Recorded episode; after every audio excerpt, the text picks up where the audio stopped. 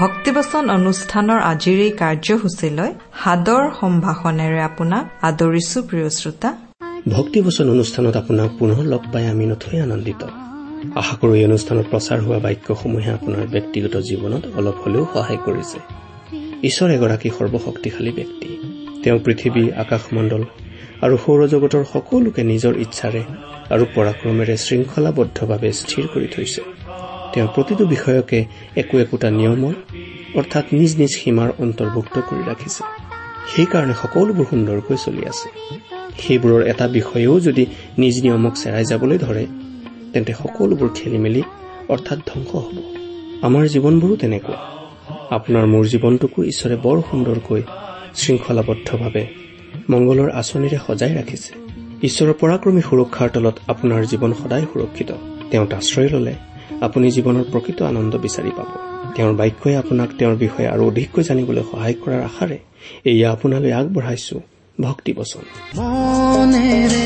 তুমি ভাবিছানে? কোনো নাই কতো মই কতো নাই জগতৰ যিচুৰ বাদে কোনো নাই।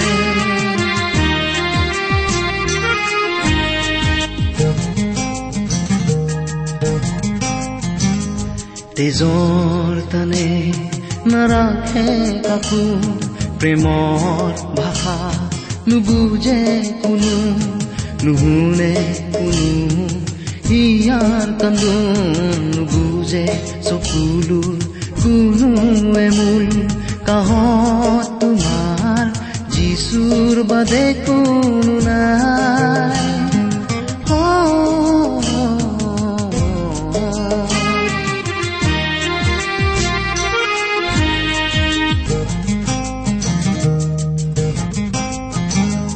লাগে যদি আহাৰে ভৰা পৰিপূৰ্ণ জীৱন কথা যিচু তেজে দিয়ে পূৰ্ণতা যিচুৰ কথাই চকুলো মুছে যিচুৰ বাদে কোনো নাই তোমাৰ কাহ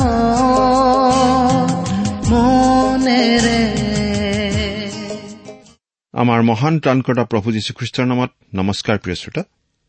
আপোনাৰ ভালনে বাৰু? আশা কৰো পৰম পিতা পৰমেশ্বৰে আপোনাক ভালে কুশলে ৰাখিছে। প্ৰিয় শ্ৰোতা আমাৰ এই ভক্তিবচন অনুষ্ঠানটো আমি প্ৰস্তুত কৰো আমাৰ মৰমৰ শ্ৰোতাসকলে কিবা প্ৰকাৰে উপকৃত হওক বুলি।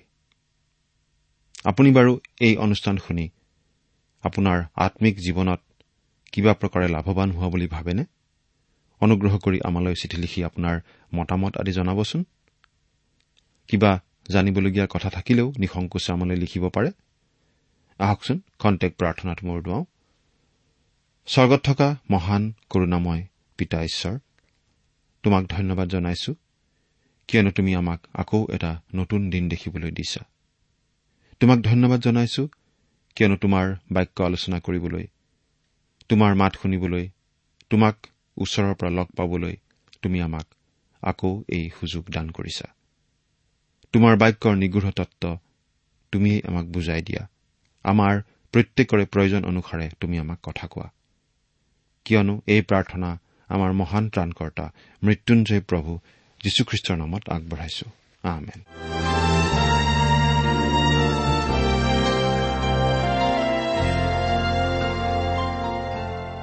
প্ৰিয় শ্ৰোতা আপুনি বাৰু আমাৰ এই ভক্তিবচন অনুষ্ঠানটো নিয়মিতভাৱে শুনি আছেনে? আপুনি যদিহে আমাৰ এই অনুষ্ঠানটো নিয়মিতভাৱে শুনি আছে তেনেহলে আপুনি নিশ্চয় জানে যে আমি এতিয়া বাইবেলৰ পুৰণি নিয়ম খণ্ডৰ জিহিচকেল ভাৱবাদীৰ পুস্তক নামৰ পুস্তকখন অধ্যয়ন কৰি আছো। নহয় জানো? আমি এই পুস্তকখনক চমুকৈ জিহিচকেল পুস্তক বুলিয়েই কওঁ। আপুনি বাৰু আমাৰ যোৱা অনুষ্ঠানটো শুনিছিলনে? আমি বাৰু কি আলোচনা কৰিছিলো আপোনাৰ মনত আছেনে?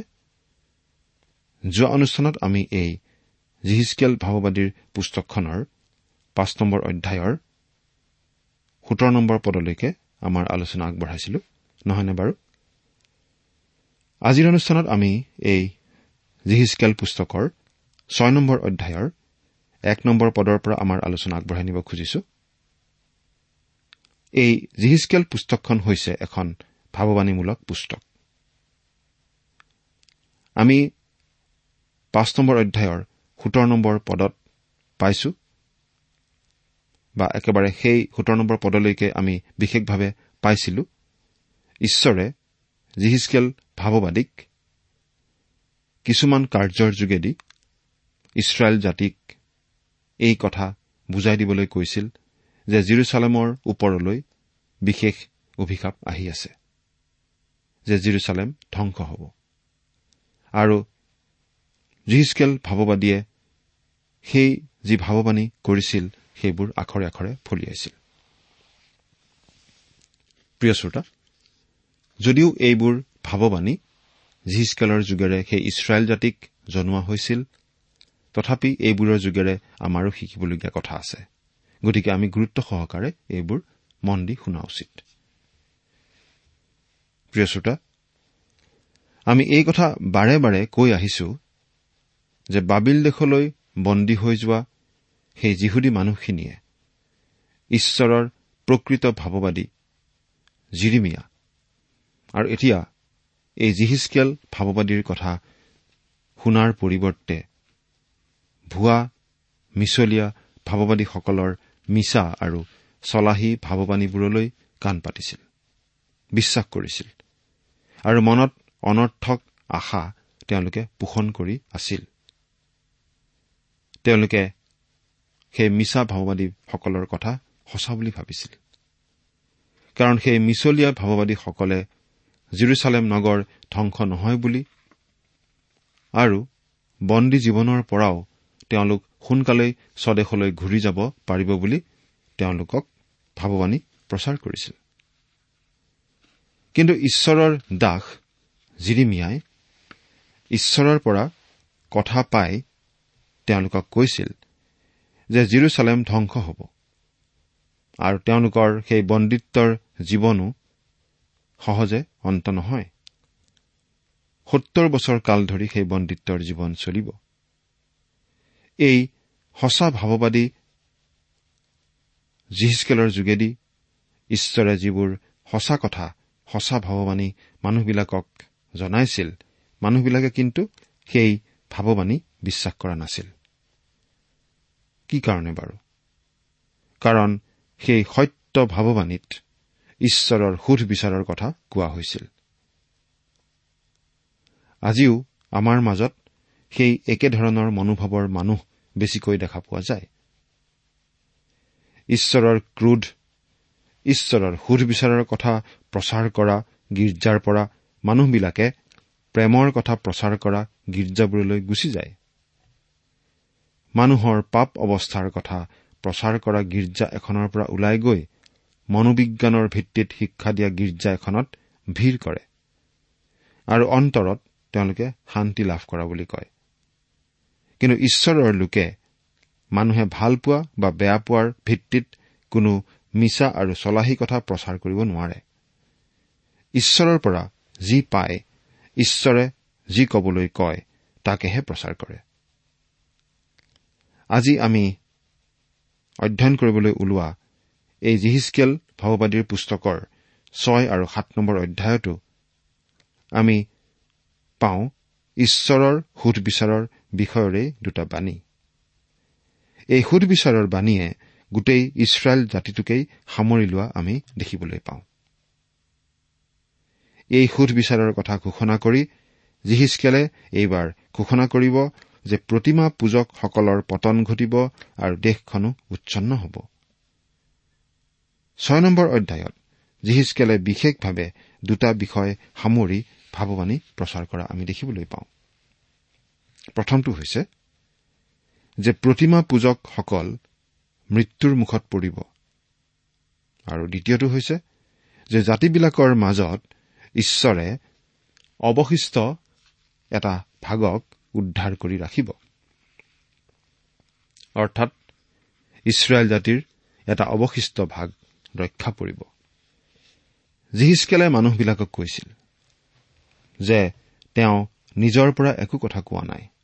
তেওঁ আচলতে কৈছিল মই কি ভাবো তাক তোমালোকক কোৱা নাই?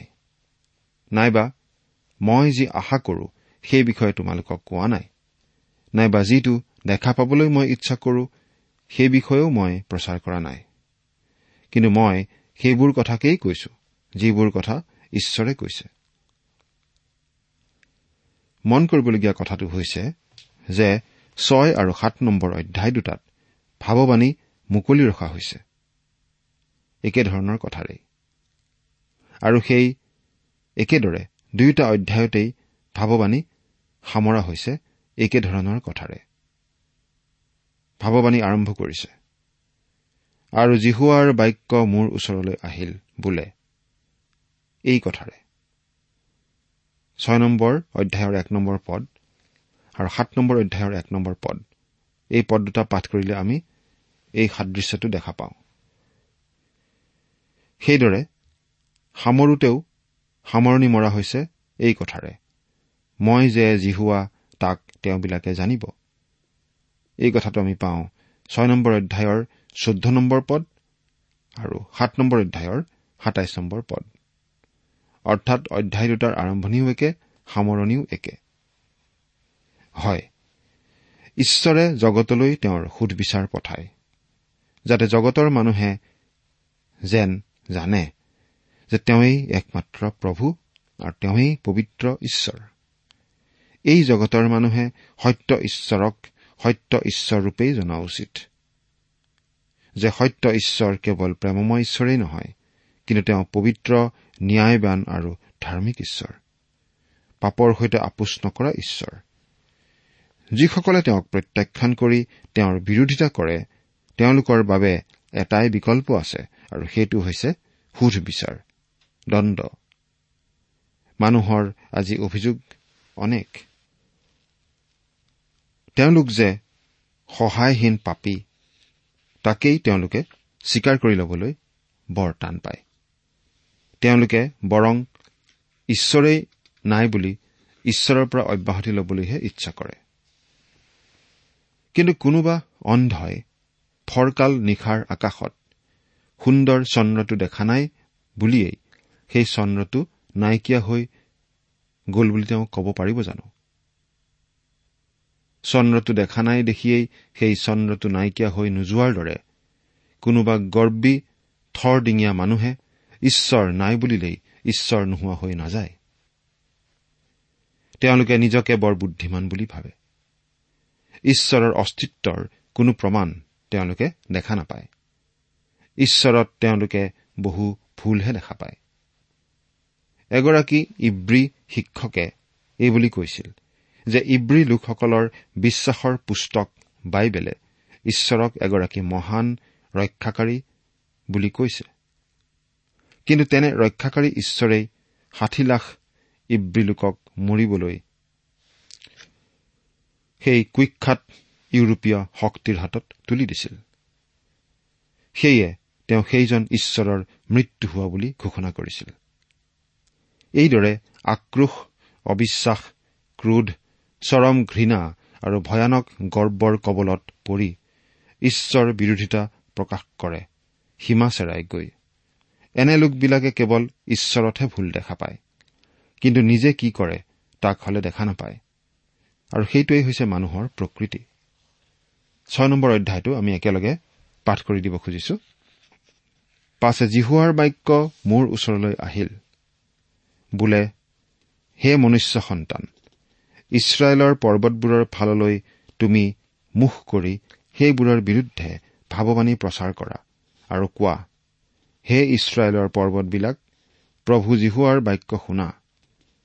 প্ৰভু জীহুৱাই পৰ্বতবোৰক উপ পৰ্বতবোৰক জুৰি বৈ যোৱা ঠাইবোৰক আৰু উপত্যকাবোৰক এই কথা কৈছে চোৱা মই ময়েই তোমালোকৰ অহিতে তৰোৱাল অনাম আৰু তোমালোকৰ ওখ ঠাইবোৰ বিনষ্ট কৰিম। তাতে তোমালোকৰ যজ্ঞবেদীবোৰ ধ্বংস কৰা হ'ব আৰু তোমালোকৰ সূৰ্য প্ৰতিমাবোৰ ভঙা হ'ব আৰু মই তোমালোকৰ হত লোকবিলাকক তোমালোকৰ মূৰ্তিবোৰৰ আগত পেলাম। আৰু মই ইছৰাইলৰ সন্তানবিলাকৰ শৱ তেওঁবিলাকৰ মূৰ্তিবোৰৰ আগত ৰাখিম আৰু তোমালোকৰ যজ্ঞবেদীবোৰৰ চাৰিওফালে তোমালোকৰ হাড়বোৰ সিঁচৰতি কৰিম। তোমালোকৰ যজ্ঞবেদীবোৰ উচ্ছন্ন আৰু ধ্বংস কৰা হবৰ নিমিত্তে তোমালোকৰ মূৰ্তিবোৰ ভগ্ন হৈ নাইকিয়া হবৰ নিমিত্তে তোমালোকৰ সূৰ্য প্ৰতিমাবোৰ ছেদন কৰা হবৰ নিমিত্তে আৰু তোমালোকৰ হাতৰ কাৰ্যবোৰ লোপ পাবৰ নিমিত্তে তোমালোকৰ আটাই বাসস্থানত নগৰবোৰ উচ্ছন্ন আৰু ওখ ঠাইবোৰ ধ্বংস কৰা হ'ব। আৰু তোমালোকৰ মাজত লোক হত হৈ পৰিব। তাতে মই যে যি হোৱা তাক তোমালোকে জানিবা। তথাপি যেতিয়া দেশবোৰৰ মাজত তোমালোক ছিন্ন ভিন্ন হবা তেতিয়া তৰোৱালৰ পৰা ৰক্ষা পোৱা তোমালোকৰ কেতবিলাক লোক যেন জাতিবিলাকৰ মাজত হ'ব এই নিমিত্তে মই এক অৱশিষ্ট ভাগ এৰিম।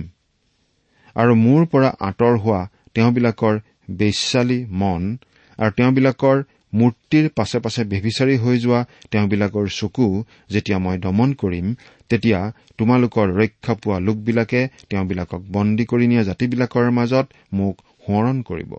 আৰু তেওঁবিলাকৰ আটাই ঘীনলগীয়া বস্তুৰ সম্পৰ্কে তেওঁবিলাকে কৰা মন্দ কাৰ্যৰ নিমিত্তে নিজৰ দৃষ্টিক নিজক ঘীন কৰিব। আৰু মই যে জিহুৱা তাক তেওঁবিলাকে জানিব মই যে তেওঁবিলাকলৈ এই অমংগল কৰিম ইয়াক মই বৃথা কোৱা নাই। প্ৰভু জীহুৱাই এই কথা কৈছে। তুমি হাত তালি দি আৰু মাটিত ভৰি মাৰি ইছৰাইল বংশৰ আটাই ঘীনলগীয়া কাৰ্যৰ নিমিত্তে হাই হাই কৰা। কিয়নো তেওঁবিলাক তৰোৱাল আকাল আৰু মহামাৰীত পতিত হ'ব। দূৰৈত থকা লোক মহামাৰীত মৰিব। ওচৰত থকা লোক তৰোৱালত পতিত হ'ব। আৰু নগৰত অৱশিষ্ট থাকি অৱৰুদ্ধ হোৱা লোক আকালত মৰিব।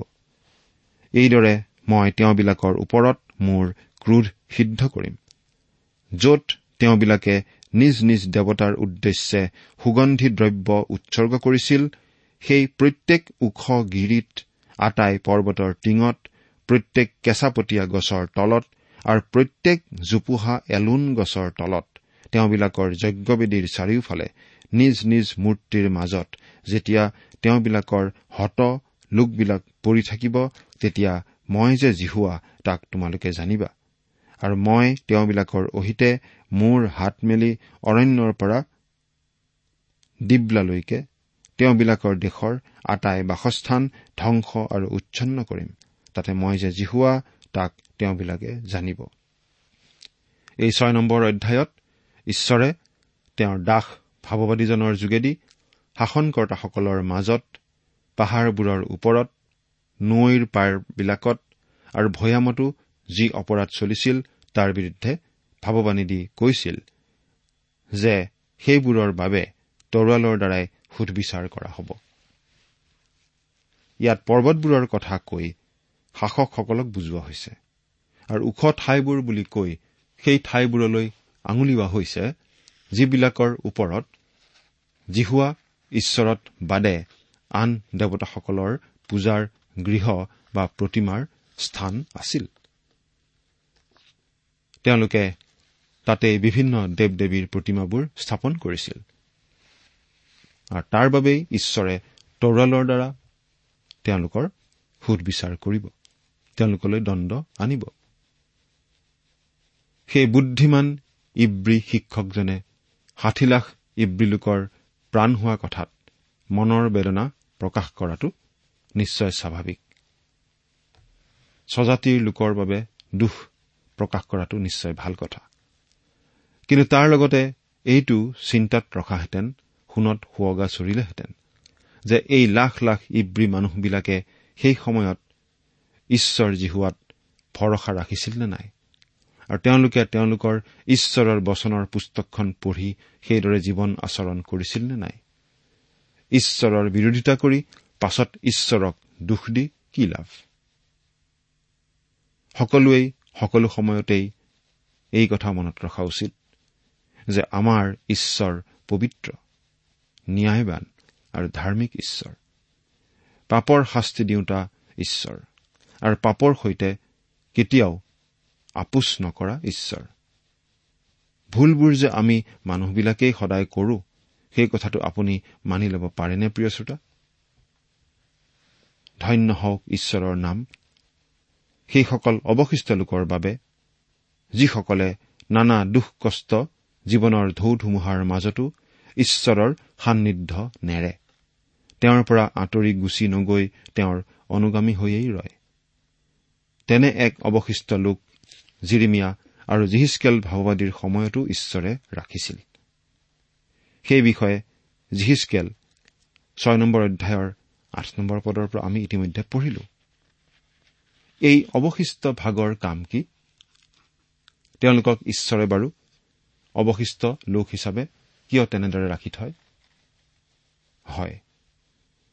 তেওঁলোক তেওঁলোকৰ ঈশ্বৰৰ সাক্ষী হৈ ঈশ্বৰৰ হকে সাক্ষ্য দি যাব লাগিব। এইদৰে জিহিচকেলৰ দিনত এনে এক অৱশিষ্ট লোক আছিল যিসকলো তেজমঙহৰেই মানুহ আছিল যিবিলাক আমাৰ নিচিনা দুৰ্বল মানুহ আছিল। নকৰো বুলিও মন্দ চিন্তাকেই হয়তো কৰিছিল মন্দ কথাই কৈছিল আৰু মন্দ আচৰণেই কৰিছিল। কিন্তু ঈশ্বৰৰ সান্নিধ্যত থকাৰ বাবে সেইবোৰৰ বাবে অনুশোচনা কৰি প্ৰভুৰ ক্ষমা লাভ কৰিবলৈ অনুতপ্ত আৰু খেদিত অন্তৰেৰে প্ৰভুৰ কাষ চাপিছিল। কিন্তু তাকে নকৰি যিসকল অবাধ্য বিদ্ৰোহী গৰ্বী আৰু দুষ্ট লোকে থৰডিঙীয়া হৈ অনমনীয় হৈ ঈশ্বৰৰ বিৰোধিতা কৰিব তেওঁলোকৰ দেশ ঈশ্বৰে উচ্ছন্ন কৰিব আৰু তাৰেহে তেওঁলোকে জানিব যে ঈশ্বৰ সঁচাকৈয়ে ঈশ্বৰ। সঁচাকৈয়ে জানিব যে তেওঁ ঈশ্বৰ জিহুৱা।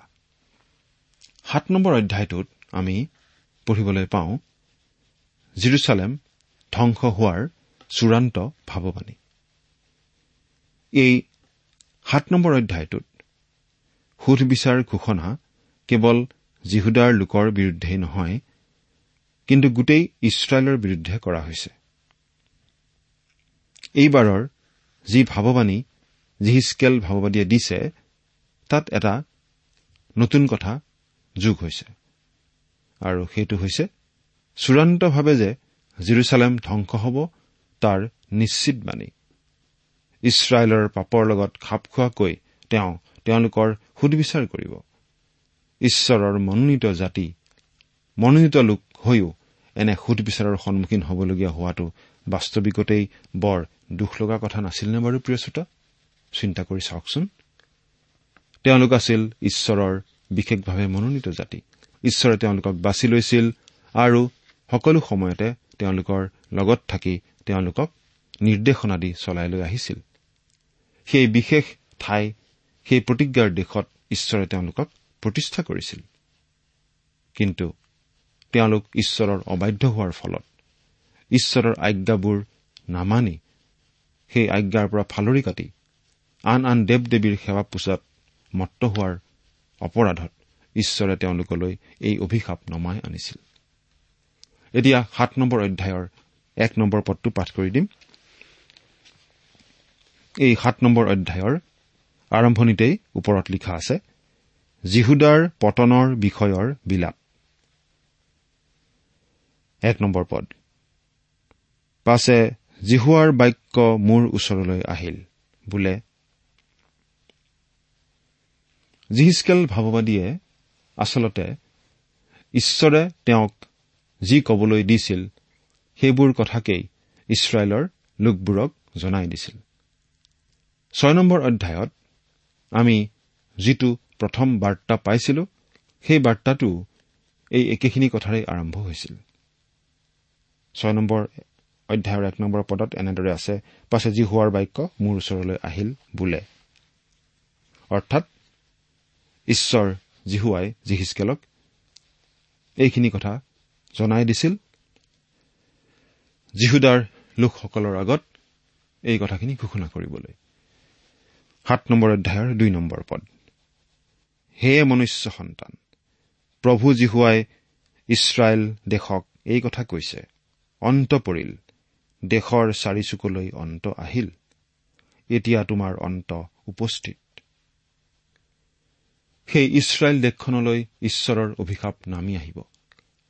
অৱশ্যে দেশখনলৈ অভিশাপ আহোঁতে সেই দেশত বাস কৰা মানুহবোৰলৈ অৰ্থাৎ ইছৰাইলীয়া লোকবোৰলৈও ঈশ্বৰৰ অভিশাপ নামি আহিব। ঈশ্বৰৰ বাক্যত ইছৰাইল জাতি আৰু ইছৰাইল দেশখনক সদায় একেলগে বুজোৱা হয়। এতিয়া আমি দেখিবলৈ পাইছো জিহিচকেলৰ ভাৱবাণীত ইছৰাইল দেশখন আৰু জিৰচালেম চূড়ান্তভাৱে ধ্বংস হ'ব বুলি ভাৱবাণী কৰিছে। ইতিমধ্যে যদিও কিছুমান লোকক সেই ইছৰাইলৰ পৰা বন্দী কৰি বাবিললৈ লৈ অহা হৈছিল কিন্তু কিছুমান লোক তেতিয়াও তাতেই আছিল। লোকবিলাকৰ সেই শেষৰ দলটোক দেশান্তৰিত কৰা হ'ব আৰু সেই জিৰচালেম নগৰখন সম্পূৰ্ণৰূপে ধ্বংস কৰা হ'ব। আৰু ঠিক সেইদৰেই হৈছিল। প্ৰিয় শ্ৰোতা ঈশ্বৰৰ বাক্য কেতিয়াও বিফল নহয়। ঈশ্বৰে যি কৰিম বুলি কয় তাকেই কৰে। ঈশ্বৰৰ সেই বাক্যত ভৰসা কৰি প্ৰভু যীশুক ত্ৰাণকৰ্তা বুলি গ্ৰহণ কৰি আমিও নিশ্চিত হ'ব পাৰো যে তেওঁ আমাক পৰিত্ৰাণ দিবই। আপুনি বাৰু নিশ্চিত হৈছেনে? চিন্তা কৰি চাওকচোন। ঈশ্বৰে আপোনাক আশীৰ্বাদ কৰক।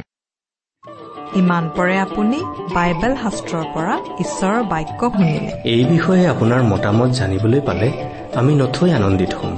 আমি প্ৰস্তুত কৰা বাইবেল অধ্যয়নৰ চিডিসমূহ পাব বিচাৰিলে আৰু অনুষ্ঠানত প্ৰচাৰ কৰা কোনো কথা বুজিব লগা থাকিলেও আমালৈ লিখক আমাৰ যোগাযোগৰ ঠিকনা ভক্তিবচন ট্ৰান্সৱৰ্ল্ড ৰেডিঅ' ইণ্ডিয়া ডাক বাকচ নম্বৰ সাত শূন্য গুৱাহাটী সাত আঠ এক শূন্য শূন্য এক। ঠিকনাটো আকৌ এবাৰ কৈছো ভক্তিবচন ট্ৰান্স ৱৰ্ল্ড ৰেডিঅ' ইণ্ডিয়া ডাক বাকচ নম্বৰ সাত শূন্য গুৱাহাটী সাত আঠ এক শূন্য শূন্য এক। আমাৰ ইমেইল এড্ৰেছটো হৈছে Assamese T TV at the rate radio' eight eight two dot com. আমাৰ website W W W dot T W R dot in. আপুনি টেলিফোনৰ মাধ্যমেৰেও আমাক যোগাযোগ কৰিব পাৰে।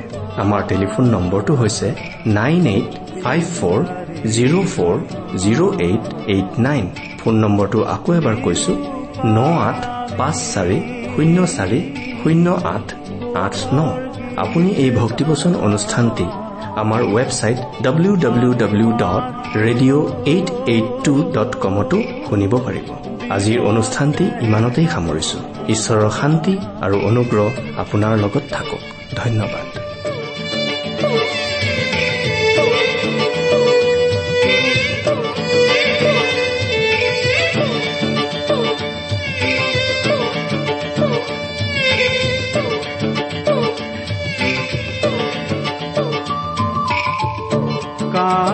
दारी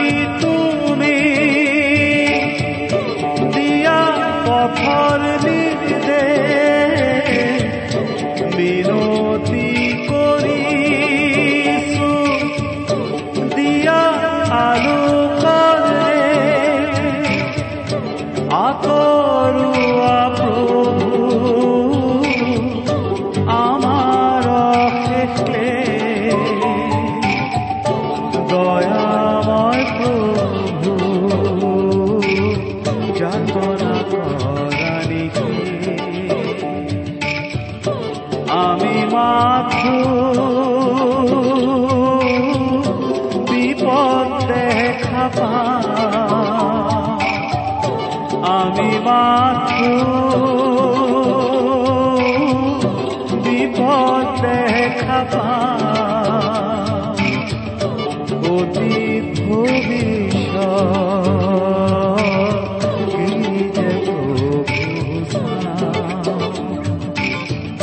বথা নাই যে ভঙা আমার বথা ಮಾಡಿ